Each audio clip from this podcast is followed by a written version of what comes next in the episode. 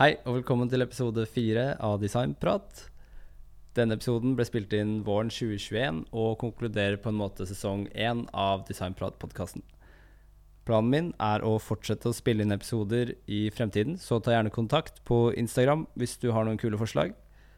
Utover det så vil jeg ønske deg en god episode.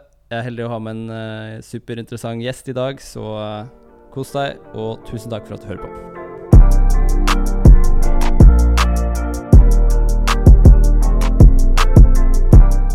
Hei og hjertelig velkommen tilbake til en ny episode av Designprat. I dag er jeg så heldig at jeg har fått med meg Torstein Bakke, som er en uh, interessant og spennende type industridesigner, vil jeg si. Um, jeg har fått tips av flere fra instituttet om at det blir snakket med deg. Og etter å ha sett på uh, noe av arbeidet ditt, så tror jeg absolutt at vi som fortsatt går på industriell design, kan lære veldig mye av, av det du uh, gjør. Um, du jobber også i Void nå, som også er spennende, men det kan vi komme litt tilbake til uh, seinere. Men Først av alt, Torstein, hvordan har du det? Veldig bra. Hjertelig takk. En utrolig smigrende introduksjon. det er jo alltid superhyggelig å høre sånne ting. og så håper jeg kan leve opp til det. Jeg har det veldig bra. sitter hjemme akkurat nå. Men er heldig nok til at jeg kan få være på kontoret selv i, i denne perioden. Så dit skal jeg etterpå. Nice. Hvordan har du det? Uh, det går bra med meg. Så ja, uh, første gang jeg er på campus på en stund, uh, faktisk. Ja. Sitter på designerkontoret. Ikke sant? Um, og da jeg ser utover nå, det er, det er liksom spøkelsesby utenfor her. For det er ingen mennesker. Sier du det, ja. Mm. ja jeg, skjønner, jeg skjønner det. Jeg skjønner at det har vært litt tøffe tak også i Trondheim. Så jeg, jeg, må bare si at jeg er litt glad for at jeg slapp ja. slapp å være student under akkurat det her. Jeg håper jo det går bra med alle der oppe. Ja, altså, for min del går det egentlig overraskende greit sånn dagligliv og sånn. Um, det er klart det er noen som har fått det litt verre enn andre med tanke på utveksling og sånn. Ja. Um, og ekskursjoner. Men jeg tenker sånn, ja Vi kan ta det igjen seinere når det kommer til ekskursjoner, i hvert fall. Så Absolutt. Absolutt. Og så håper jeg vi blir ferdig snart. Ja. Det er lett å bli litt sånn her, sikkert litt sånn trist og vemodig og, over de tingene man går glipp av. Men når man bare husker å planlegge godt for den tida som kommer, tenker jeg da. Ja, det er absolutt uh, kloke ord, det. Ja. Um, men da tenker jeg vi kan gå i gang uh, med litt faglige greier. Uh, jeg har jo rukket å sette meg inn i noe av arbeidet ditt, ikke alt selvfølgelig. Um, men jeg leste litt av masteren din, og da ikke alle 165 sidene selvfølgelig, men Det er lov. Det er greit. spennende greier i hvert fall. Ja, um, og da jobbet du med embodiment in designing interactive experiences. Det er juicy saker. Ja. Um, I tillegg så har jeg også notert meg prosjekter som haptisk feedback-lue for astronauter og sykkelsimulator på Mars. Uh, ja. ja så, så, det er mye spennende prosjekter, da. Ja. Um, det, var, det, handlet om mot, I den siste perioden i studiet så eh, konvergerte litt sånn ting og litt eh, sånn eh, vibber som jeg hadde fått ehm, mm. Tidligere. Jeg var bl.a. På, på utveksling i Canada, i Vancouver. Noe som var superspennende, og der endte jeg opp på en eh, designlinje som handlet mye mer om soft products, altså klesdesign. Var, de hadde en motelinje, og de, liksom, de drev masse med sportsutstyr. Det var liksom i British Columbia hvor alle sto på ski og eh, snowboard og sånn, så det var eh, liksom eh, I det området der hvor liksom eh, Arcterix og alle disse store sportsmerkene holder til. Så der eh, havna jeg på en litt sånn ukjent designlinje hvor de drev mye med det. Eh, og da Og det var ting som jeg aldri hadde vært borti før. Så da kom jeg borti ting som handla mer om kroppen, produkter som er eh, sydd for å være på kroppen. Eh, mm -hmm. Spesialutstyr for, eh, for, folk som eh, driver med ting utendørs, og som skal takle forskjellige typer eh, miljøer. Eh, og da endte jeg opp med å gjøre et prosjekt om, om rommet der, som handlet om altså ja, spesialutstyr for eh, ekstreme miljøer. Og jeg eh, tenkte om ekstreme miljøer, selvfølgelig skal jeg gjøre en oppgave om rommet. Eh, og da kom jeg inn på det med hvordan romdrakta er så utrolig eh, vanskelig å ha med å gjøre. da. Ja. Så man trenger et slags, eh, et slags meglingssystem, en slags mediator på en måte mellom det som skjer utenfor romdrakta, og den personen som er inni. Og også et liksom, interaksjonssystem mellom den som er inni, og drakta i seg selv. Så da kom jeg opp med en sånn haptisk feedback-lue, som var en slags lue med eh, Eh, vibrasjonssensorer langs kraniet. Ja, riktig. Eh, og så var tanken da Det var basert på en del forskning og litt ulike designprosjekter eh, og, og, sånn, eh, som jeg hadde sett eh, andre steder, som er superspennende, som handla om haptisk feedback og hvordan du kan på en måte enkode meldinger og informasjon i, i haptikk. da eh, Og jeg kom jo jeg hadde, Det var et prosjekt jeg gjorde alene, og jeg hadde ikke med meg noe, si, noen ingeniører eller programmerere eller noe sånt. så det endte jo bare opp med å være en lue som det, Altså, det føltes bare som du tok en tredje MB-kube nedover huet. Men det var en veldig rar sensasjon. Så kobla jeg den opp mot en sånn hanske som jeg hadde et gyroskop på, sånn, så du kunne liksom gjøre litt sånn og kjenne hvordan det signalet forplanta seg rundt hodet. Um, og det var liksom eh, starten på det fokuset på kroppen da, eh, som, jeg, som, jeg, skulle videreføre i masteren. Mm.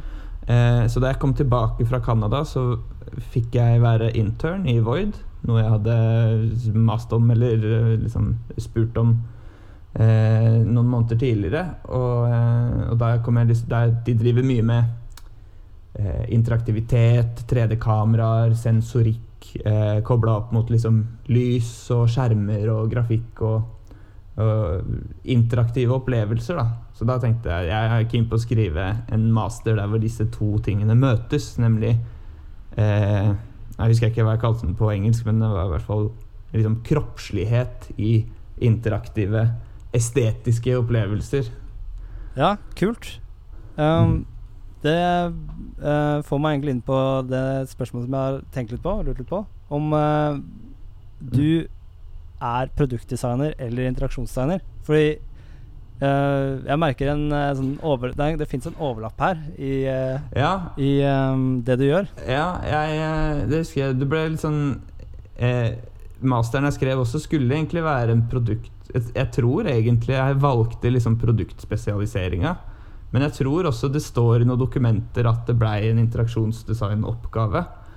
Eh, I det store og det hele, så hvis det ikke er noen liksom, eh, formelle problemer med det, så er det samme for meg. Og jeg tror at eh, eh de beste Eller jeg tror at en god produktdesigner bør også tenke litt interaksjon, og en god interaksjonsdesigner bør også tenke produkt. Og jeg håper å si forskjellen er kanskje litt eh, konstruert, da. Eh, Eh, og vi bruker Altså, jeg tror på NTNU så bruker man det generelt eh, bare for å si forskjellen mellom en eh, mellom en som fortrinnsvis lager digitale produkter, og en som fortrinnsvis lager fysiske produkter. Så hvis man gjør noe som er midt imellom, eh, som flere og flere kommer til å gjøre, så må du bare regne med å bli noe midt imellom. Og det er ikke noe, ikke noe galt i det, tenker jeg. Um, ja. Nei, Mathais vil nok være veldig enig i det du sier der. Um, jeg hadde han på forrige episode i forbindelse med ja. at de har skrevet et designmanifesto som uh, handler om hvordan man skal undervise design. Da. Eh, ja, så han mener jo også at det er sånn 100 forskjellige måter, altså typer design eh, og designere. F.eks. sånn at du kan designe ja. politikk, eh, samfunnsnormer, designe kulturer. Sikkert litt sånn som dere er inne på uh, på Void. Ja, det det høres superspennende. I hvert fall eh, Det er noe jeg faktisk har savna litt uh, i diskusjonen kanskje på NTNU. Det er nettopp og egentlig sånn generelt i diskursen rundt design og designere, det er den uh, sosiale og politiske dimensjonen. Hvorfor er ikke flere holdt på å si, hvorfor, hvorfor er ikke flere designere karrierepolitikere, f.eks.? Eh, jeg tror at verktøyene våre kan være veldig nyttige for å skape sosial policy. Eh, eller i hvert fall utvide diskusjonen rundt eh, sosial policy, da. Men det er virkelig ikke mitt eh, felt. hva må jeg si? Men, eh, men, eh, men det er Altså Kanskje til og med går Altså Du har på en måte byplanleggere og bypolitikere og arkitekter og byplanleggere. Hvordan skal liksom den diskursen se ut? Så syns jeg også liksom tjenestedesignere og eh, byråkratiet hvor, hvor kunne man hatt en tightere link mellom de to? Så jeg, altså jeg, jeg syns jo Matheis er superfascinerende og, og har alltid sagt mye eh, lurt og ikke minst spennende om design, så det overrasker meg ikke at han er inne på det. Ja, um, det er mye å si om uh, akkurat det der. Um, jeg tror uh, vi skal Mm. hoppe tilbake til masteren, Ja. og så snakke om eh, dette området her av design som vi ikke har snakket om så mye tidligere på podkasten. dette mm. er med yttergrensene av opplevelser og teknologi, som du eh, skriver om, er inne på toucher i masteren din. Og ja, så jeg bare hvis, Har du lyst Ja. til å snakke, snakke litt om den? Gjerne. Gjerne. Eh, jeg tok på en måte utgangspunkt i det at jeg, vil, jeg ville lage Altså Man blir jo alltid superambisiøs, og masteren skal jo på en måte være, være kirsebæret på toppen av den iskremkaka som er studiet. Så man blir jo utrolig ambisiøs, noe som volda meg ganske mye smerte under gjennomføringa. Men man har jo lyst til å selvfølgelig lage verdens feteste installasjon som er liksom interaktive med kroppen. Eh, og det var samtidig som jeg ville passe på at jeg var på, på, eh, på tryggest mulig grunnlag sånn rent eh, teoretisk, da. Så jeg lente meg veldig på eh, eh, filosofi og eh, psykologi, kognitiv psykologi. og litt liksom emosjonell psykologi for å, for å utforme grunnlaget for prosjektet. Eh, og det følte jeg at jeg tjente mye på til slutt, fordi selv om resultatet, altså det jeg faktisk bygde, ble eh, liksom ble en, en morsom type interaktiv skulptur, så ble grunnlaget veldig Det teoretiske grunnlaget syns jeg ble veldig fint da, for å både snakke om og tenke på disse tingene i etterkant. Men det handlet egentlig om eh, Om å utforske em, nye måter å drive med designstudier, eh, altså inquiry, som var basert på eh, på, som var liksom basert på kroppen og kroppslig opplevelse. Og Der fikk jeg veldig mye hjelp av Dag Svanes, som eh, vel underviser i informatikk og interaksjonssystemer og, og er innom på IPD hele tiden. Og også Trond Are, selvfølgelig, um, i nettopp det med å drive med det de kalte for liksom em, fenomenologiske reduksjoner. Altså, du har en opplevelse, eh, og så skal du redusere den ned til hvordan er opplevelsen i kroppen. Hvordan kjennes det ut å gjøre dette? Eh, og det blir veldig fort ganske hårete å snakke om, fordi man, er- man er nødt til å ty til liksom eh, et annet språk enn kanskje vanlig inquiry enquiry, eller da sånn som i interaksjonsdesignen, og, og sånn hvor man bruker nest, liksom helt sånne metoder fra sosiologien, antropologien, disse ganske sånn kvalitative og kvantitative metoder og bla, bla, bla, så er dette her et, liksom en førsteperspektivs, eller førstepersonsperspektivs eh, reduksjon, da, hvor du skal si hvordan føles det å gjøre dette. Så, jeg et, så jeg valgte å gå til the basics og fokusere på pust. Uh, ja, nettopp. Nei, jeg jeg syns det er veldig gøy å se sånne oppgaver som det der, fordi um, det er jo en, veldig, det er en installasjon. mm -hmm. og ja, jeg er ikke eks- noe ekspert eller noe, jeg, men det er jo jeg, jeg merker jo at det er veldig godt løst. Ja, det er liksom en, er sånn øvelse i, i metafor eh, metaforskaping, da, eller bruk av metafor, som, også, som jeg også gikk veldig dypt i, og som fascinerte meg helt vanvittig mye. Eh, I hvert fall på et punkt eh, eh, Mye arbeid gjort av forskjellige filosofer og psykologer og sånn rundt det, bruken av metafor, ikke minst i det som heter kognitiv lingvistikk, nemlig hvordan er språket vi tenker med? Altså Eh, hvis jeg hadde vært litt eh, klarere i hodet, så hadde jeg husket hva disse heter. Men eh, det, det, går an å finne ut. Da. Men folk som, disse eh, teoretikerne som skriver om at eh, vi har jo et språk som vi tenker med, og som vi på en måte utformer konsepter med. Og det er veldig avhengig av metaforer. Altså man klarer, Hvordan skal du forstå et konsept som kjærlighet, f.eks., eller en reise eller en eh, Eller mange sånne typer opplevelser uten å bruke metaforer. Og hvilke metaforer vi bruker, er jo på en måte eh, sosialt betinga, kulturelt betinga. Er kjærlighet for deg er det et byggverk med et fundament? Er det en reise med en start og en slutt?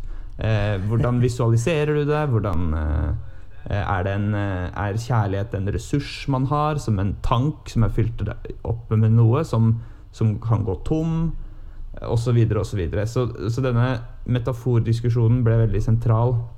Det var derfor denne installasjonen er liksom en metafor for pust og det å være til stede i en opplevelse. Du sitter foran en installasjon, basically en, en glasskule.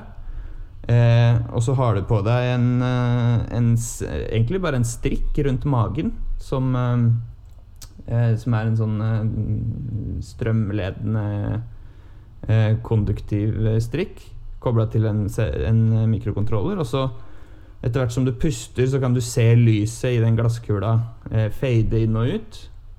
Og etter hvert så kommer det også røyk fra en røykmaskin som er kobla opp. sånn at du, etter hvert som du på en måte finner igjen pusten din eh, og, blir, og, puster ned i magen eh, bevisst, og må liksom bruk, vende kognisjonen innover mot magen og lungene og pusten for å liksom få lufta dit den skal, så vil den glasskula fylles med røyk og bli en sånn type opplevelse, da. Ja, riktig.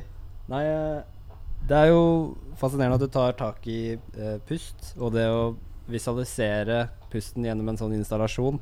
Det er jo eh, det er ganske interessant å bli såpass bevisst på eh, sin egen pust. Jeg kjenner igjen, kjenner igjen fra sånn meditasjonsteknikker hvor det er snakk om å eh, bli bevisst på pusten, er ofte steg én, da. Eh, for å på en måte tamme mm. sånn apehjernen som vil hoppe rundt og, i lianer og fly overalt hele tiden, så skal man ofte um, begynne med å, å, bli bevisst på pusten. Så det er, det er, et veldig kult konsept å ta tak i i en sånn uh, installasjon. Mm. Det, helt, eh, det, var helt basic, på en måte.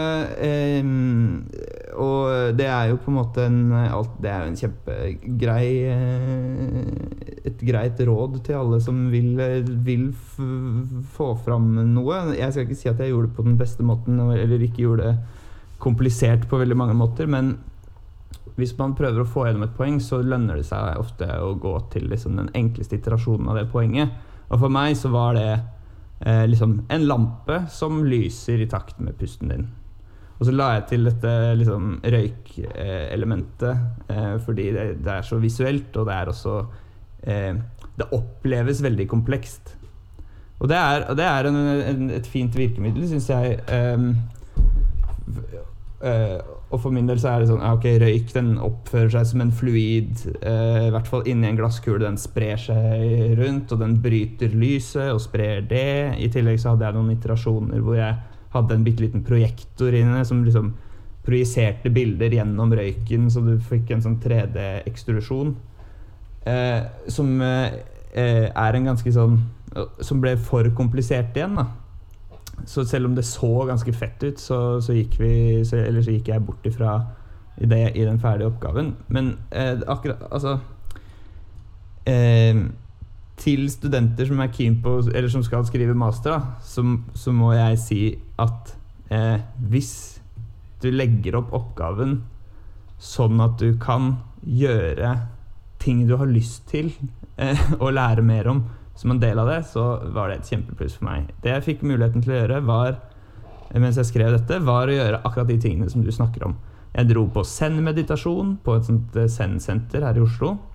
Jeg dro på noe som heter Alexander-teknikk-kurs med, eh, med en instruktør som er en sånn egentlig en teknikk for skuespillere hvor man eh, skal være sånn hyperbevisst på kroppen idet man gjør bevegelser. Hvor jeg liksom skulle lære meg å sette meg ned på en stol igjen. En ganske funny opplevelse når du setter deg ned på en stol, og så står en instruktør, og sier sånn Nei, det var ikke så veldig bra. og da er det jo, ikke sant Du skal tenke på artikulasjonen i knær, i rumpa, i ryggen. Eh, og du skal være sånn helt Du må virkelig tenke på eh, å kjenne etter i, i, leddene og i musklene eh, hvordan, du, hvordan, du, beveger deg, og hvordan du treffer stolflaten og sånn. Um, så prøvde jeg det, det, som blir nesten det motsatte igjen, som er sånn floating. Hvor du ligger i sånn uh, Sånn uh, deprivasjonstank. Ja. Ganske gøy opplevelse. Litt sånn, kan bli ganske psykedelisk uh, når man blir Altså, det er jo definitivt noe av det kjedeligste du kan gjøre. Um, men på en bra måte, da. Hvor de da begynner tankene å fly, og du kan få Jeg fikk liksom følelsen i kroppen av at jeg suste gjennom verdensrommet i eh, 1000 km i timen. Eh, veldig sånn. Så, og, um, og, til slutt yoga. Og det endte jo med at jeg begynte å gå på yoga ganske ofte. Jeg skal ikke påberope meg at jeg ble noe flink, eller at jeg klarte å opprettholde det eh, nå etter korona og sånn, men eh, det er veldig fint å kunne gjøre sånne ting og kalle det en del av uh, design research, da. Ja. Nei, det er definitivt uh, inspirerende å se hva som er mulig å gjøre uh, i et masteroppgave, hvis man går liksom ut i bredden, da. hva som er mulig å tilpasse. Så lenge man er interessert og syns det er mm. interessant, så kan man tillate seg å fordype seg på sånne veldig, veldig spesifikke ting, da. Det, det Altså, folk eh, Jeg Som man gjør, da, så sammenligner man seg jo veldig med alle andre sine oppgaver, eh, som jeg er sikker på at du har opplevd, og som alle opplever hele tiden. Eh, og det er en, definitivt en, liksom en emosjonell oppgave å slå seg til ro med eh, eh, sin egen oppgave versus alle andre sin oppgave. Sin egen metode versus alle andre sin metode. Noen er kanskje mye, mye nøyere enn deg. Og mye strengere, eller jobber på en måte hardere, men tillater seg mindre. Noen får til liksom er både tillater seg masse og er kjempestrenge og lager eh, kjempestore, åpne oppgaver. Um, så det er definitivt en det er en øvelse å bli kjent med eh, sin egen stil som student eh, på hvordan man vil gjøre ting. Spesielt når, fordi folk kan eller, Det kan være lett å være midt i et prosjekt, og så ser du over på han som sitter ved siden av deg, og så ser du at han har 1000 eh, eh, slides med, med, research og insights og bla, bla, bla, mens du sitter og har liksom to skisser, og så tenker du sånn Å, fader, jeg skulle gjort en A-B-test. Å, fader, jeg skulle gjort uh, ditten og datten. Um, så det er virkelig en Det er en påkjenning å holde hodet kaldt i, i den situasjonen.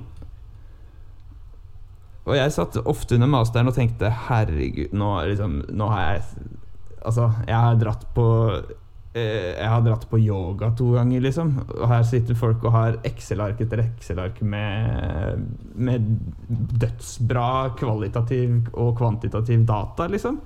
Eh, man kan jo føle seg helt på viddene, men da må man tenke på hva slags oppgave man skriver. og, og sånn. Og det er bare eh, eh, Før jeg glemmer det, så en ting om det da jeg var i Canada og de prosjektene vi gjorde der som inspirerte meg veldig, det var at vi hadde en lærer som var, som var opptatt av at vi skulle gjøre eh, Gjøre prosjekter sammen. Eller altså alle i klassen. Det var en veldig liten klasse på bare eh, seks-sju stykker, om jeg husker riktig. Alle eh, ble på en måte ansvarliggjort for alle sine oppgaver. Det var Man, må, man måtte være der og gi kritikk man måtte se på alle andre sine oppgaver, man måtte komme med tips. Og vi brukte like mye tid på å jobbe med våre egne og møte deadlines og sånn, som vi brukte på å eh, se på hverandres. Man måtte være i presentasjonene, man måtte være og, og snakke om det. Og, og hvis, noen, altså, hvis, noen, sleit med en oppgave, så blei det alle sitt problem. Og så kan man tenke at eh, å, det er jo litt kjipt. Altså, da går det, det kan gå på bekostning av min tid og mitt produkt hvis jeg eh, ikke klarer å eh, Eller altså hvis jeg må bruke masse tid på noen andre sin oppgave. Men det er Det kommer jo altså det kommer helt an på hvordan du ser på liksom, design og jobbekapasiteten din. da men hvis du ser på den som en muskel som, kan, som trenes opp, og som bare blir bedre jo mer du bruker den, så gir det mening å være dypt inne i alle, sine, alle andre sine oppgaver også. Hvis de lar deg, da. Mm. Mm. Så hun læreren het Ja. eh, Sue Fairburn. Bare big shout-out til henne. Hun var en fantastisk eh, lærer. Ja, big shout-out. Um, veldig interessant det du sier angående å se på design som en muskel, eller eh, det å involvere seg i andre sine prosjekter, da. Um, vi har jo en kultur for å jobbe i åpent landskap her på industriell design, og hvor vi hele tiden ser på hverandres oppgaver, da, og det er jo utrolig spennende å få lov til å gå rundt og se hva folk holder på med. Det er jo veldig mange flinke folk som jobber på veldig mye forskjellige måter. Jeg vil si eh, inntrykk av at instituttet har tatt grep i den for å på en måte tilrettelegge mer for den type arbeidsmiljø. da. Eh, ved å fjerne et par av de karakterene i eh, noen av designfagene. Nettopp for at man ikke skal føle på den på måte konkurransen eh, som kommer med en gang det er eh, karakterer. Eh, for jeg, jeg tror det er, det, er, det, er, det er mye bra i det du sier når, med den uh, Vancouver-måten å gjøre ting på. Um, Riktignok så er det jo forskjellige måter å gjøre ting på. Det fins jo mange designere som jobber relativt sånn individuelt, mens og, og mange andre designere som jobber veldig godt i grupper. Ja. Um, Om, om ikke annet så bare altså, Uten at det trenger å være helt sånn eh, altruistiske kollektive grunner, så er det bare det er, det er ting du kan gjennomføre i en gruppe som du ikke har sjans eller tid eller ressursene til eller pengene til eller whatever til som, som bare én person. Ja, du, du sier noe der, helt klart. Um, men vi skal hoppe videre, så vi Ja. kan gjøre en sånn uh, Segway til Void. Ja. Dere er jo en gruppe som har uh, fått til ganske mye spennende ting sammen. Um, og jeg håper du kan Mhm. forklare litt sånn hva det er dere holder på med. Uh, jeg har jo forstått at det handler om å uh, få det digitale ut i den virkelige verden. Um, ja. og jeg syns dere har sånn litt sånn interessant, edgy tilnærming til eh, sånn teknologi og design. Um, for dere holder på med kunst, Mhm. um, installasjoner, men også kulturarrangementer og Ja. den, type, den type ting. Dere har jobbet med f.eks. a-ha. Um, faren min er veldig stor fan av a-ha. Uh, jeg har også vært med på en sånn konsert med de, uh, så det være at jeg har sett noe av det arbeidet deres uh, live. Ja, det var eh, akkur akkurat den eh, Det var en one-off, og det var også før min tid, så jeg var ikke med eh, på akkurat det. Men, men det, var en, det var definitivt et prosjekt som Void har gjort. Uh, ja. Og dere holder også på med en sånn type design som uh, jeg mener at jeg syns er dritspennende. Og, um, og, men det er ikke nødvendigvis veldig mange som holdt på med akkurat den typen design som dere gjør. Så kan ikke du forklare litt bare hvordan, hva er Void, og hva er det dere holder på med? Gjerne det. jeg er jo eh, på en måte Jeg ble ansatt i Void eh, i 2019, så jeg har jobbet der i ja, halvannet år. Eh, var først intern der eh, sommeren eh, 2018 eh, fordi jeg kom over de på på nett og så noe av det de gjorde, og tenkte her har jeg virkelig ingenting å tape på. Bare sende en mail og si dette ser dødsfett ut, kan jeg være intern hos dere? Og um, Void er et uh, designstudio som gjør de tingene som du sa. Uh, um, Void er liksom et, eh, det er et ordspill på to måter som både handler om eh, det tomrommet mellom design, kunst, arkitektur og teknologi, som eh, begynner å nærme seg en klisjé, kanskje, i, i designverdenen. Det som liksom Blurring the lines between bla, bla, bla. Eh, men også, men også um, eh, voidet mellom eh, Altså gapet mellom den fysiske og den digitale verden. Akkurat som, som du sa, veldig opptatt av det å eh, å, å finne eh, de naturlige parallellene i den fysiske verden til opplevelser i den digitale, og vice versa, hvis det gir mening. Eh, noen ganger så handler det om å bare sette ting ut i, i den fysiske verden og øh, på skjermer og sånn. Men det handler like mye om å dra den fysiske verden inn i den digitale. Det handler jo selvfølgelig om å bruke sensorikk og 3D-kameraer og mikrofoner eventuelt, og også på sikt uh, ulike former for AI og maskinlæring for å tolke eh, Tolke en omgivelse, da. Og det er først og fremst for å gi en opplevelse. Det er helt klart innenfor liksom experience design eh, vi eh, Enten i alle dets former, da. Enten det er eh, museumsopplevelser, eh, live performance, kunst. Vi har jobbet litt med liksom, utstillingsdesign for ulike kunstnere. Så gjør vi egne rene kunstprosjekter. Um, og um, ja, også litt sånn utsmykningsarbeid, kan du si. Uh, på byggeprosjekter, offentlige områder osv. Uh, det er veldig, veldig uh, Veldig, veldig spennende.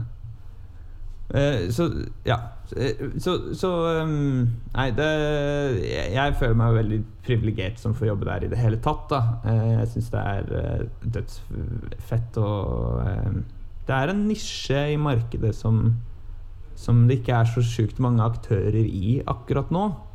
Vi møter jo konkurransen vår både liksom Noen ganger så det, kan det være interiørarkitekter. Noen ganger så kan det være landskapsarkitekter. Noen ganger så kan, eh, kan det være liksom utstillingsdesignere eller rene tjenestedesignbyråer. Så vi kommer litt sånn inn her og der og, og prøver å markere oss, da. Ja. Nei, eh, du nevner jo 'blurring the lines' eh, mellom bl.a. arkitektur og den type ting også. Um, for når jeg ringte deg i forkant av podkasten, så, eh, så, lurte jeg på hvordan dere jobbet, og om dere jobbet i Rhino. For jeg har akkurat oppdaget Rhino, så ja. det er kjempespennende. Jeg har lagt merke til at eh, det er jo arkitektene som hovedsakelig bruker det. Vi eh, industridesignere her eh, på linja, vi bruker jo stort sett Fusion, 360, Autodesk eh, og SolidWorks til å jobbe med ting. Mens eh, når man begynner å nærme seg da grenser til arkitektur ja. og sånn igjen, så er det eh, ja. typ ting som Rhino, da. Eh, ehm, med, altså min erfaring med programvare generelt er jo at det er eh, eh, Generelt er jo at det er liksom veldig sånn kumulativ kunnskap. Det jo Lærer du deg ett program, så er det utrolig mye kunnskap som kan overføres til andre programmer. Og det er man eh, Altså uansett hvor mye man skulle ønske Og for noen så er det sikkert sånn at det finnes en, et program som gir deg alt du trenger. Eh, og for en, de fleste industridesignere så tipper jeg det kommer til å bli Fusion. Eh, for de er veldig flinke til å integrere rendring med, eh, med modellering litt parametrisk eh, style design man kan gjøre. God historie. Eh, dritbra UI og sånn. Um, mens for eh, mens, eh, Og det var også det jeg lærte meg eh, å bruke først. Og den kunnskapen er helt klart overførbar til det å bruke Rhino. Grunnen til at vi bruker Rhino i Void, er at vi har en arkitekt hos oss som er superflink i Rhino, og superflink ikke minst i Grasshopper, som jo er sikkert vi vil inn mot. Grasshopper er da liksom nodebasert geometrisk programmering i Rhino. Det vil si du legger inn eh, noder i et uh, slags nodekart som sender datastrømmer fram og tilbake eh, for å lage geometri. Så det er sånn Du sier at du, du, legger en sirkelnode som du plugger inn koordinater i, og så kan du ta en ekstrusjonsnode for å eh, ekstrudere det til en sylinder osv. Det som er deilig med det, er at eh, all, eh, all, historikken og alt blir bevart. Eh, så du kan alltid hente ut all data, og du har veldig granulær kontroll på alt. Du vet hvor alle punktene dine er, du vet hvor alle kurvene dine er alle volumene dine osv. Og, så og selvfølgelig til slutt så kan du bygge vanvittig store eh, eh, strukturer og systemer basert på eh, logikk, da. En slags, form, en slags algoritme. Som du aldri i verden hadde giddet å modellere manuelt. Det er på, ja, det er på en måte eh, Ja. Um, ja, Autodesk uh, har jo veldig mange forskjellige programmer i den store Veldig. familien sin. Um, så det kan jo kanskje nesten sammenlignes litt med Adobe um, Helt klart. på den måten. Um, for da, altså, du har mange forskjellige typer programmer under Ja. samme paraply, og de, du kan ofte også ta disse filene og sende de mellom alle programmene. Uh, så det er veldig praktisk. Uh, for hvis man, hvis man skal samarbeide med maskiningeniører, f.eks. Så det er veldig Ja. kult. Uh, også har jeg sett at du, de har tilgang på veldig store, de svære datamaskinene som du trenger hvis du f.eks. vil lage generativt design Ja. uh, den type ting. Um, personlig så har jeg også i det siste fått veldig øynene opp for da den type parametrisk design da, som man lager i, i Ja. Hvor du da enten lager noe sykt svære, rare, umulige ting, um, eller bare de mer uh, enkle, kanskje f.eks. Re repetative mønstrene, eller de formene som på en Mm. måte Mm. følger en slags logikk, da. Um, og det er um, derfor jeg har fått anbefalt uh, Rhino, da. For det er et godt alternativ når du skal si, eksperimentere med form, da. Uh, den type ting. Det er det. Og, du, og- etter hvert som man blir flinkere i, i. I, informatikk og databehandling og, og sånn, så kan du la deg inspirere av flere og flere typer type datastrømmer. Altså, det er jo noe av det vi Dette er jo klass, klassisk sånn Ja, vi vil gjøre et prosjekt med en eh, Eller vi hadde et prosjekt med en, med en kunstner eh, hvor han skulle, skul, han skulle lage en skulptur. Vi filmet han med 3D-kameraer mens han bygde en sånn leirskulptur, leireskulptur. Og så traca vi hans eh, hender. Eh, og liksom de stiene som hendene fulgte mens han jobbet på den skulpturen. Eh, og så ble det på en måte et verk i seg selv, eh, den formen som kom ut av det. Eh, ikke nødvendigvis Det er jo en sånn Ja, det blir jo en form for parametrisk, eller i hvert fall eh, generert design, da. Ehm, uh, som kan og, og, og det er bare liksom et eksempel på at du kan, du kan ta alle mulige slags datastrømmer og plugge inn i algoritmen din ehm, for å få en type design. Um, og, og, noen ganger så kan det se helt uh, tilfeldig ut. Helt sånn, uh, helt sånn uh, romvesen, liksom. Og, mens andre ganger så, så kan du få det til å til å bli subtile deler av et, uh, av et mer uh, vanlig, mer um, mindre eksperimentelt formspråk, men si at det, det informerer kanskje layouten på noen ting. Si at du skal lage en by, f.eks., så er alle, hus, alle husene kan være firkanta klosser som vanlig. Men hele layouten av byen kan være basert på en datastrøm eller et, eller et eller annet. Ja, for Hadid eh, virker som at de arkitektene der hun, De har virkelig kastet seg over dette her med Grasshopper. Jeg husker ikke om det er Sara Hadid eller Mm. Gigi Hadid. Mm. Det er vel Sara Hadid. Det er vel Ja. Saha Hadid. Gigi Hadid er eh, en Ja. modell, men uh, det er bra. ja. ok. Hadid, i hvert fall. Um, uh, uansett. Når de Når uh, Hadid og gjengen f.eks. lager sånne store bygningsprosjekter hvor um, alle bygningene følger et, et bestemt mønster, f.eks. et bølgemønster eller noe sånt, så syns jeg det er veldig veldig spennende å se hva, hvordan de bruker det parametriske designet for å Hvordan parametrisk design på en måte muliggjør dette. da At det, det ville jo krevd utrolig mye jobb før få alle bygningene til å følge dette, for eksempel dette spesielle mønsteret individuelt. Sånn og sånn og sånn. Eh, så det er veldig spennende å se. Jeg føler fortsatt vi kanskje er ganske tidlig i parametrisk design-utviklingen. Eh, og Helt klart. kanskje også generativt design for den saks skyld. Muligens. Generativt design er, er, man nok eh, enda mer i begynnelsen av. Og det Tror du kan vi liksom gå litt inn på hva, hva liksom forskjellen på parametrisk og generativ design kan være. da. Ja, ok. Eh, kan jeg bare si hva jeg tror det er, og så kan du rette Ja. på meg? Ja, så eh, Min forståelse av det så langt, det er at generativt design, det handler om Det er en slags iterativ prosess hvor du f.eks. sier at jeg skal ha en hylle, da. Og det skal være Du sier ikke hvordan det skal se ut, du sier bare jeg vil ha last her. Eh, og den skal sitte på veggen sånn, og skal være innenfor disse, Ja. dette volumet her. Dette området. Um, Mm. Og så sender du den inn rett inn til uh, Autodesk. Du kan, det koster noen sånn Autodesk coins eller noe. Ja. Um, og så uh, cruncher den uh, liksom en, sånn- Kjører en sånn iterativ prosess. Den lager Jeg tror den basically lager en blokk innenfor området ditt, og så fjerner den materialet iterativt da fra den blokken.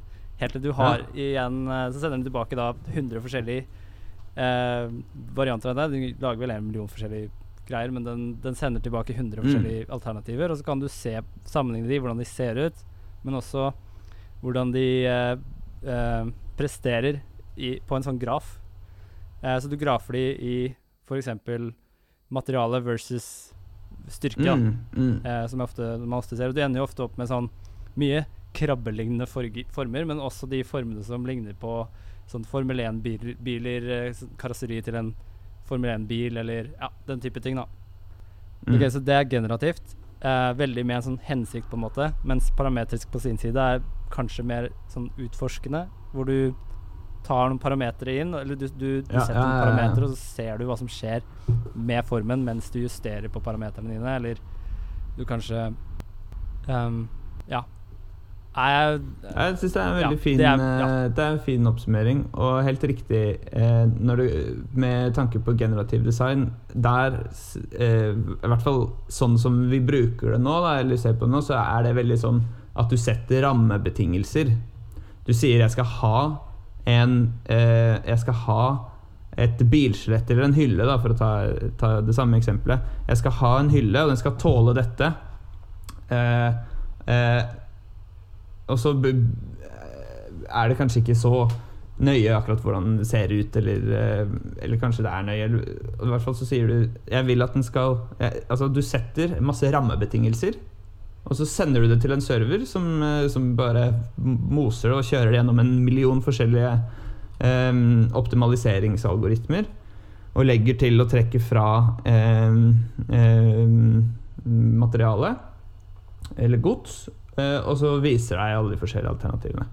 Kjempebra for å løse eh, spesifikke oppgaver hvor du vet liksom constraintsene.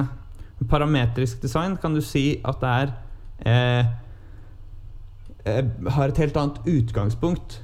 Eh, der hvor, der hvor ehm, ehm, generativ design, der stiller du kanskje spørsmålet eh, Hvordan kan det se ut hvis jeg skal ha en hylle som skal være eh, 13 cm dyp og tåle så og så mange skal tåle 250 newton eh, med kraft nedover, eller så og så mange kilo oppå. Mens i parametrisk design så sier du bare Så er spørsmålet mer hm, Hva skjer hvis jeg tar 100 punkter og kobler de sammen eh, med en tilfeldig Hvor du velger de og de punktene tilfeldig og trekker en linje mellom. Hm, hvordan blir det seende ut da? Ja. og så, så du setter på en måte reglene for utforminga selv i, i parametrisk design, mens i generativ så setter du reglene for resultatet. Vil, det ville jeg kanskje sagt. Ja. Så mm. Jeg skjønner. og, bare for å, for å si Altså eh, Det er en ganske funny funksjon i Grasshopper eh, som handler om Vet du hva sånn Voronoi-fraktur er? Um, nei. Eller Voronoi-mønster? Nei. Hvis du googler et Voronoi-mønster, så vil du se et mønster som, er utro, som vil se veldig kjent ut. Ja. Det er, sånn, det, det er liksom sånne eh, Hvis du har en, et rektangel, og så bryter du opp i Voronoi-mønster, så har du noen punkt, punkter inni der som lager på en måte celler.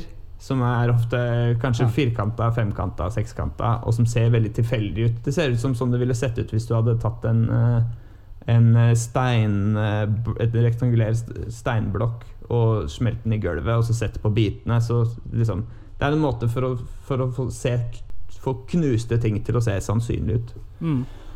Men det er også brukt helt vanvittig mye i både liksom generativ Eller både liksom datagrafikk og eh, også liksom mønst, lage mønstre i arkitekturen og sånn. Ja. Så hvis, hvis du legger inn en sånn node i Grasshopper, så får du opp en warning om at designet ditt kanskje kan, kan, kan virke eh, uinspirert eller liksom Altså pass på, du bruker en metode som veldig mange andre har brukt. Ok, det er morsomt. Eh, og det er bare for å, for å liksom Ja, ikke sant, her har du det. Eh, det er en sånn type Jo, det fikk Mm. du. Ja, det er sånn. Ja, akkurat. akkurat. Det er uh, Voronoi-fraktur og Voronoi tessellation. Det, er, det ser jo fett ut. Det ser ut som spindelvev, eller eh, du kan få det til å liksom, Du kan bruke det i mange liksom, organiske former, da. Eller for Mm. å få ting til å se ut som de er organiske. Og Ja. det ehm, Men så er det på en måte overbrukt. Og det i forhold til hvordan Void jobber med disse tingene, og hvordan vi prøver å forholde oss til både parametrisk og generativ design, eller all form for digital design, er nemlig det, er det at Ja. ja, man har disse verktøyene. Ja, de er superkule og, og sånn, men det er veldig fort gjort å spotte når Mm. noen har brukt det eh, eh, bare for å bruke det. Nei, jeg kjenner det. Eh, og, og så er det sånn som med alle nye ting at eh, det er en litt sånn flash-faktor hvor det er mange som på en måte Det er lett å imponere ved å bare bruke en metode. Eh, og så sier de sånn Jeg syns det er utrolig fett med, med liksom eh, fluid dynamikk, eller lage grafikk som har liksom fluid dynamikk i seg, så da lager jeg bare det. Og det, ja, det ser fett ut, men er det noe mer bak? Altså hvorfor har du valgt det? Hva løser det et spesielt problem?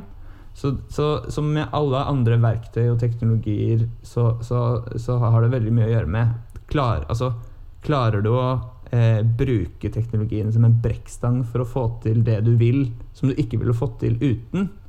Eller bruker du teknologien for å vise at Eller fordi du er så interessert i teknologien?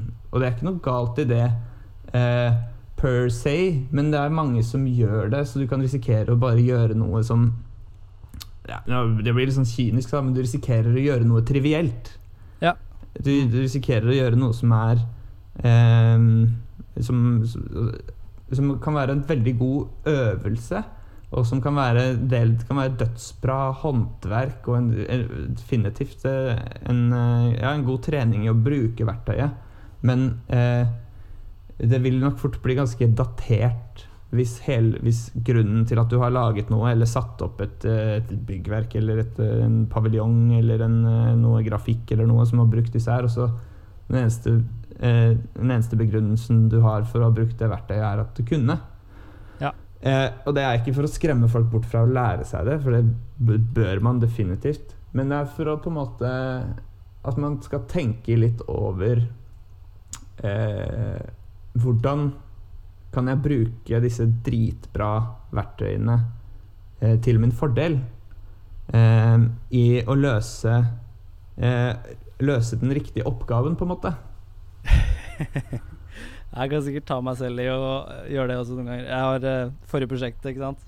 Lagde vi en stol. Vi da endte opp med å sleise bortover. Ja. Veldig klassisk sånn parametrisk eh, stil der. Eh. Altså, det ga mening. Vi hadde grunner for å gjøre det i prosessen og sånn, men kanskje også Kan være at jeg var litt ivrig også Ja, på ja, men, å gjøre Altså, ting. som sagt, det er bare for å, dette er sagt bare for å, for å være kynisk. Og, og, og, jeg syns alle studenter Jeg syns alle studenter eh, man, man skal des, definitivt ta seg eh, tida til å gjøre eh, prosjekter som er som eh, bare, bare fordi man er keen på å lære seg et verktøy bra. Herregud, det er jo det er ingenting som tar skade av det. Og jeg syns generelt Ja, ja. Nei, eh, helt klart. Det blir eh, litt for dumt hvis man bare blir værende i den Oi, dette var kult. det var en morsom teknikk. um, Ja. moduset hele tiden. Men eh, nå vil jeg videre til et punkt til som, uh, vi, uh, som jeg er veldig spent på å høre hva Ja. dine tanker om. Um, og da kommer det en litt sånn lang intro her. For det handler om um, computational design. For det er et område ja, som, vi har, som jeg er nysgjerrig på. Vi har vært gjennom generativt design, vi har vært gjennom Ja, parametrisk ja. design. Men Ja. ja. Um, og computational design, det er veldig interessant. Um, fordi du går på en måte skrittet videre da, ut av Grasshopper, hvor du i Grasshopper har nodes. Uh, det ligner veldig på Python-kode, egentlig, disse nodesene som du har. Du justerer og sånn. Um, så neste skritt blir da å bare gå rett ut i Python-kode, eller en viss altså hvilken som helst annen type kode som du foretrekker. da um, Hvor du da du, du, programmerer med ren kode. Jeg har sett Det er ja. matematikere som holder på med den, på den måten. Um, det er også en arkitekt som heter uh, Michael Hansmere. Så jeg, jeg, kom over en TED-talk som han hadde. Fordi han driver med computational design, computational architecture, hvor han um, Han har laget seg selv et program hvor han uh, har en kube. Okay. Uh, og hvor han da ønsker å brette den kuben innover seg selv en million ganger. Ikke sant? Og så ser han hva, hva, slags former han får da. Ofte så får han bare støy. Men innimellom så får han disse in interessante formene, da. Eh, som han, han har eh, Han ender opp med å lage søyler. Bare for å demonstrere hvordan han kan lage disse sinnssyke formene basert på liksom, koden, koden, sin. da Og, og la koden generere eh, form. Ja. Um, og jeg vil egentlig Jeg tar gjerne og viser deg Jeg kan godt ja, vise deg hvordan det er, for det, det, er lettere enn å forklare. Jeg, sånn mm, OK. Skal vi se her. Ja, uh, skal jeg prøve å forklare meg selv så godt som mulig for dere som hører på. Ja. Um, da klikker jeg meg inn på nettsiden til Michael Hensmere her, og så ser vi Ja, første Veldig vi ser, kult. er jo uh, kulissene fra Tryllefløyten. For jeg fant ut wow. at han kunne bruke um, disse utrolig abstrakte formene han har lagd i Tryllefløyten. Ja. Um, men jeg tenker først så skal vi se på uh, søylene, for det er søylene han tar utgangspunkt i i den TED-talken sin. Mm. Um, og han gjør det fordi han sier at det er en av de ja, klassiske grunnformene da, innenfor arkitektur. Ja. Og vi, vi, ser også at han har faktisk laget de ja. i virkelig Oi. liv, så det går an å se på de. Ja, jeg har 3D-printa de eller noe sånt, da.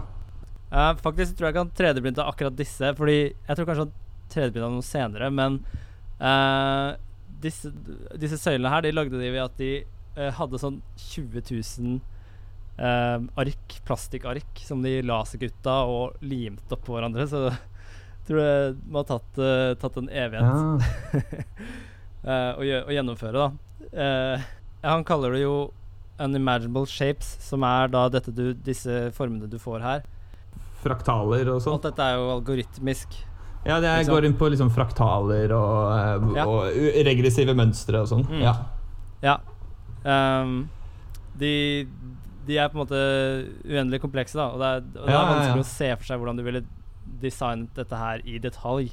For sånn Se for deg du våkner opp og er sånn en dag og er sånn ah, I dag skal jeg lage en sånn form.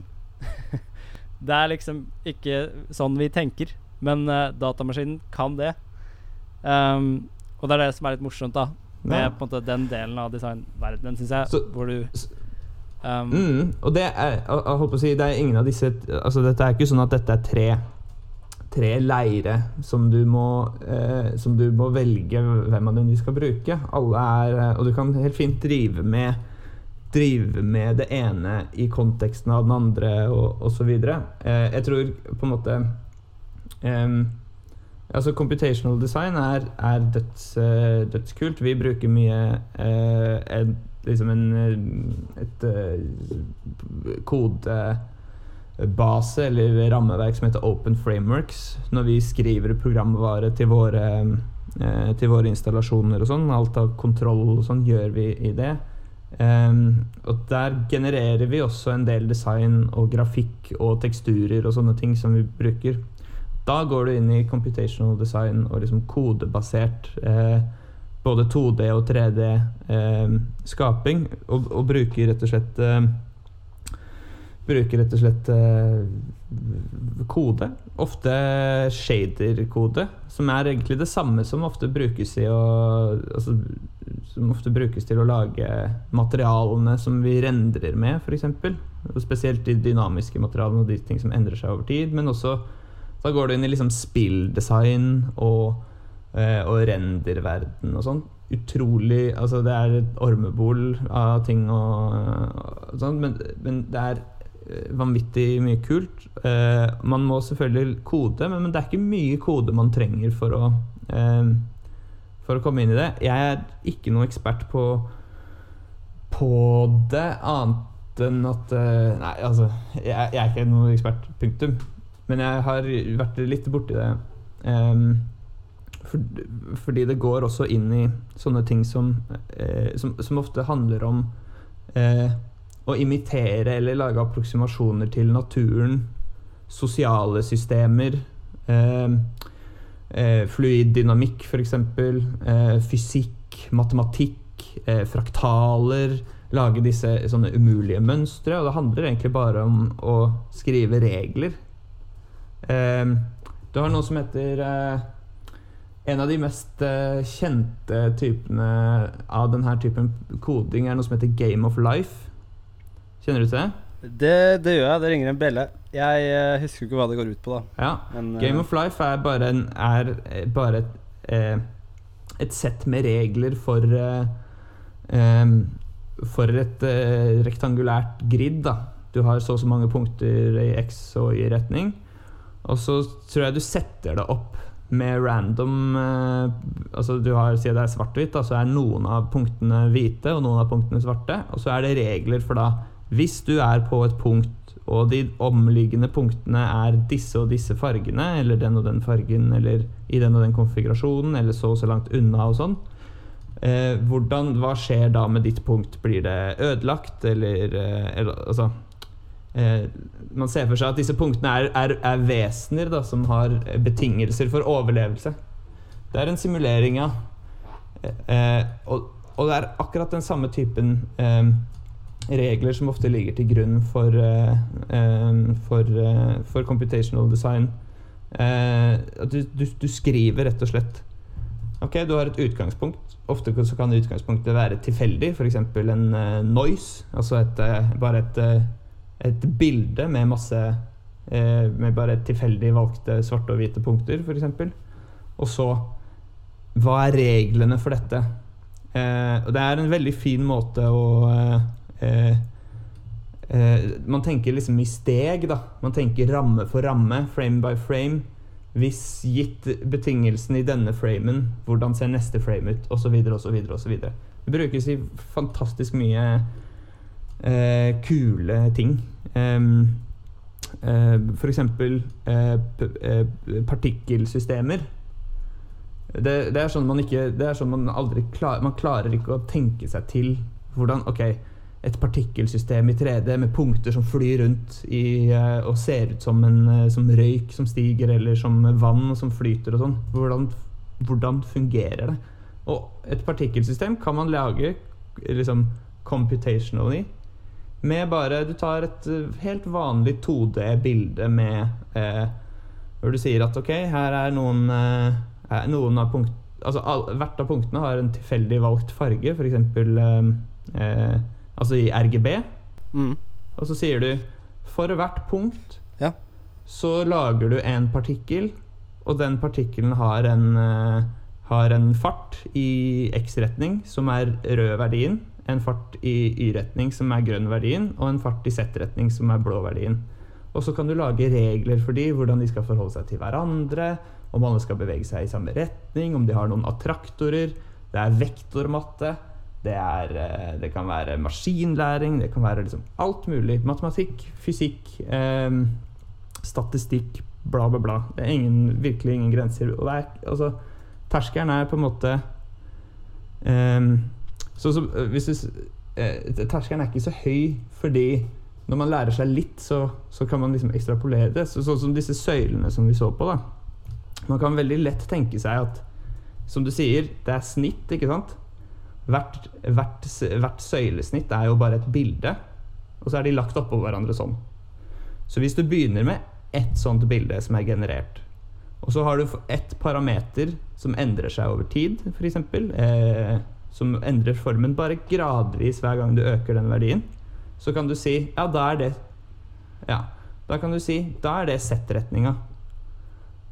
Eh, sånn at hver Altså, hvis du begynner nederst i søylen med et bilde, og så sier du OK, da, og så skrur vi til en verdi litt, og så flytter du bildet opp og legger det oppå. Da får du en, liksom en søyle som, som endrer form, men gradvis. Så den ser eh, liksom som den henger sammen. Det er eh, Altså, Hans er jo superkomplisert og har sikkert en masse flotte regler, men, men eh, når man begynner å tenke sånn, da mm, Ja, altså det blir jo fort veldig sånn heavy når man skal begynne med sånn tunge matematiske formler kombinert med tung kode, avansert eh, sånn greier, da. Um, og det er jo ikke sikkert at det er vår oppgave her i livet og, som designere da å bli olympisk Mhm. mester i alt det der. Men det er uansett uh, interessant å kunne tappe litt inn i den verdenen for å kunne se hva som foregår, da. Så alle, alle sier jo sånn uh, Du må lære deg å kode. uh, mm. I alle sektorer. Men det gjelder også for Jeg føler bare at det, det Ja. det gjelder også her i design. At man liksom Ja, vi, vi lærer jo f.eks. på å kode her på industriell design, og da Det, det har en verdi å kunne akkurat nok til å kunne være med og kunne bidra og kunne se ja, forskjellige muligheter, da. For det, da, da skjer det plutselig litt spennende ting.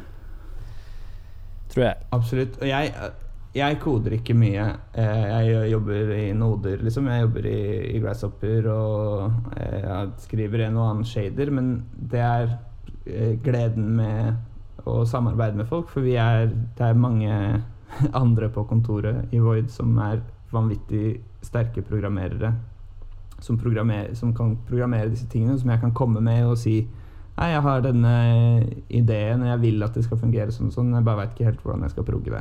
Og eh, det tar jo tid å komme inn i den verden, men så lærer man seg Ok, man kan, man kan kanskje ikke progge et helt, helt, et helt program eller en helt uh, suite med funksjoner med, med UI og eh, lagre og, eh, og så, Ja.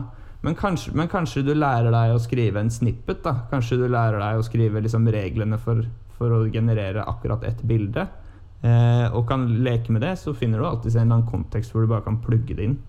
Så det er en, bare et tips til alle som vil, eh, vil prøve seg på kanskje mer computational design, eh, shader, teksturgenerering, med også litt sånn 3D-ting og sånn. Det er et program som heter Touch Designer, som er eh, en måte å eh, Det er et nodebasert eh, program som eh, Hvor du kan eh, ja, Som har masse litt sånn type computational design-funksjoner. da Lage teksturer, lage 3D. Eh, former eh, som du også kan sende direkte til projektorer. Sende teksturer, altså bildefil, altså bilder og bildestrømmer og video mellom forskjellige programmer. Så da kan du se for deg sant, at du eh, eh, Si at du har et spill i Unity, da, som du lager i Unity. Med en, eh, med en eh, karakter som har på seg klær. Eh, Bare for å ta et litt rart eksempel. Så kan du ha et program som kjører i touchdesigner ved siden av, som sender en tekstur eh, inn til det spillet, som endrer klærne i real time på spillfiguren din. Og så kan du koble en sensor til Si at du har en hjerterytmesensor på deg som er kobla til touchdesigner.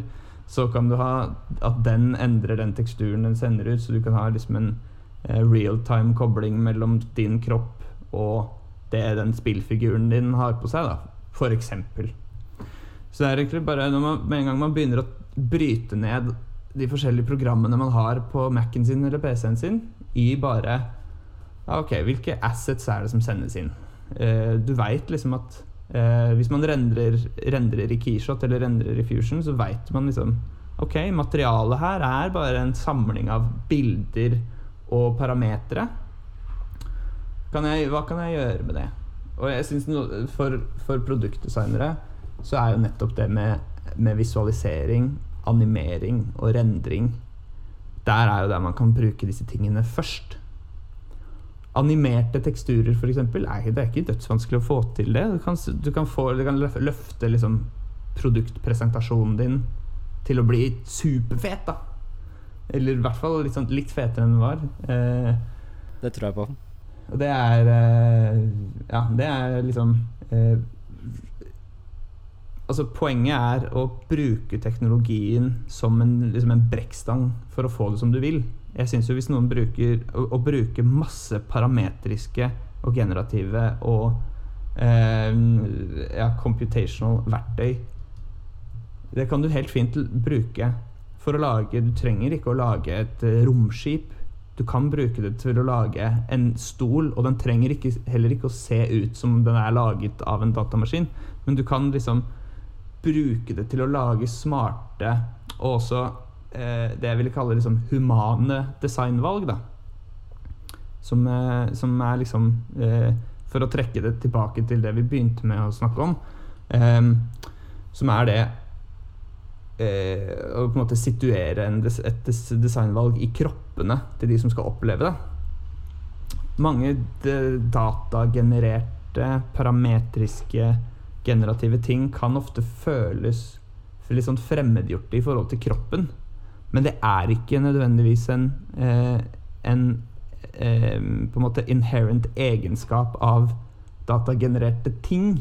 Hvis det er bare at liksom sånn blir det når, hvis man drar det litt langt i, drar verktøyet litt langt, eller eh, blir litt sånn oppslukt i mulighetene, som er en kjempefin ting. Men, eh, men i forhold til det jeg er interessert i, så syns jeg det er fint å ta, eh, ta alle disse verktøyene og så si men det skal appliseres på en menneskelig opplevelse. Da, da må du situere det i, i metaforer, f.eks., som jeg syns er en, et veldig sånn tankemessig eh, veldig sterkt verktøy. Hvordan kan jeg eh, skape en metafor her, en fortelling? En, eh, altså en metafor er jo bare å ta to egenskaper og sette de sammen. eh, et, og så blir det på en måte et nytt metaforisk objekt. Eh, og det er et så sterkt eh, verktøy, kanskje ofte sterkere enn all mulig teknologi, eh, men som også gjør at du kan liksom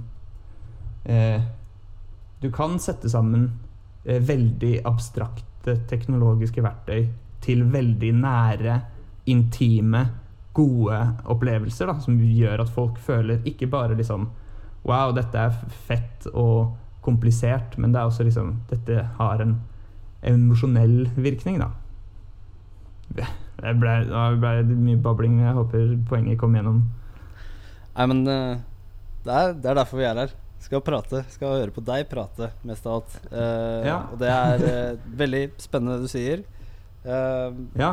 alt, du nevner jo touchdesigner, det å bruke animasjon til å fremme produktene dine på en, en interessant måte. Altså, alt er superrelevant for oss, så det, det er bare kjempefint. Men jeg, tror vi nærmer oss et tidspunkt hvor vi skal begynne å runde av. Vi kan, det er sikkert lurt å runde av. så det er sikkert uh, masse mer å Ja. si om dette, men det eh, er masse. ja. Ja, Oppsummert så vil jeg bare si lær dere parametrisk generativ design, men uh, ta også bli kjent med kroppene deres. ja. Ikke sant? Godt sagt. Men før vi avslutter, har du Mm. noen closing remarks til studentene? Absolutt. Ja, men det er, det er, det er vært på, på universitetet, bare som, for å ha sagt det. Eh, eh, NTNU som er jo veldig flinke på å forberede folk eh, eh, til arbeidslivet og real world-scenarioer scenarios både innenfor interaksjonsdesign og produktdesign. Prøv å se bort ifra det som student. Eh, dette er for mange kommer til å være de aller beste mulighetene til å lage de rareste tingene dere kunne tenke dere. Og spesielt når noen av karakterene nå blir borte. Eh, så vil jeg anbefale å bare ta den muligheten Altså, noen føler masse mestring og har det kjempegøy og har det helt supert med å gjøre veldig liksom, virkelighetsnære oppgaver. Gjør de dritbra. Det ser dødsbra ut. Eh, og det er imponerende. Og for de som elsker å gjøre det på den måten, kjempefint. Hvis du ønsker å gjøre det på en litt annen måte, er, så er jo tida for det nå. Men det betyr ikke at eh, den tida ikke kommer tilbake. Jeg bare sier det er verdt et eh, shot, da. Ja, det er vel egentlig bare å slippe seg løs. Gå og lage en klemmemaskin, f.eks. Ja. Vi lagde en klemmemaskin i mekatronikkfaget i tredje klasse. Eh, gøy, et av de gøyeste prosjektene jeg eh, gjorde. Og som, det var kanskje der det hele starta, sånn i forhold til kroppen og intimitet og opplevelse og, og sånn. Eh, men den klemmemaskinen eh, er dessverre avgått med døden. Men eh, det var et dødsfett eh, prosjekt som jeg elska veldig høyt. Nei, det så ut som et, eh, et artig prosjekt å holde på med. ja, det er veldig gode, veldig gode, veldig fin gruppe vi var sammen som lagde den. Um, ok, Mm. bra closing remarks. Eh, det har vært veldig Det har vært en veldig, veldig bra samtale vi har hatt i dag om Enig. parametrisk design og det å skrive master og alt mulig. Um, setter utrolig stor pris på at du Ja. har tatt deg tid til dette her. Jeg er helt sikker på at uh, de studentene som har hørt på, har lært Mm. en hel masse greier. Så tusen takk skal du ha. Jeg håper vi prates igjen en eller annen gang. Selvfølgelig. Og dødsfette podkastprosjekt. Lykke til videre. Så gleder jeg meg til å høre alle episodene.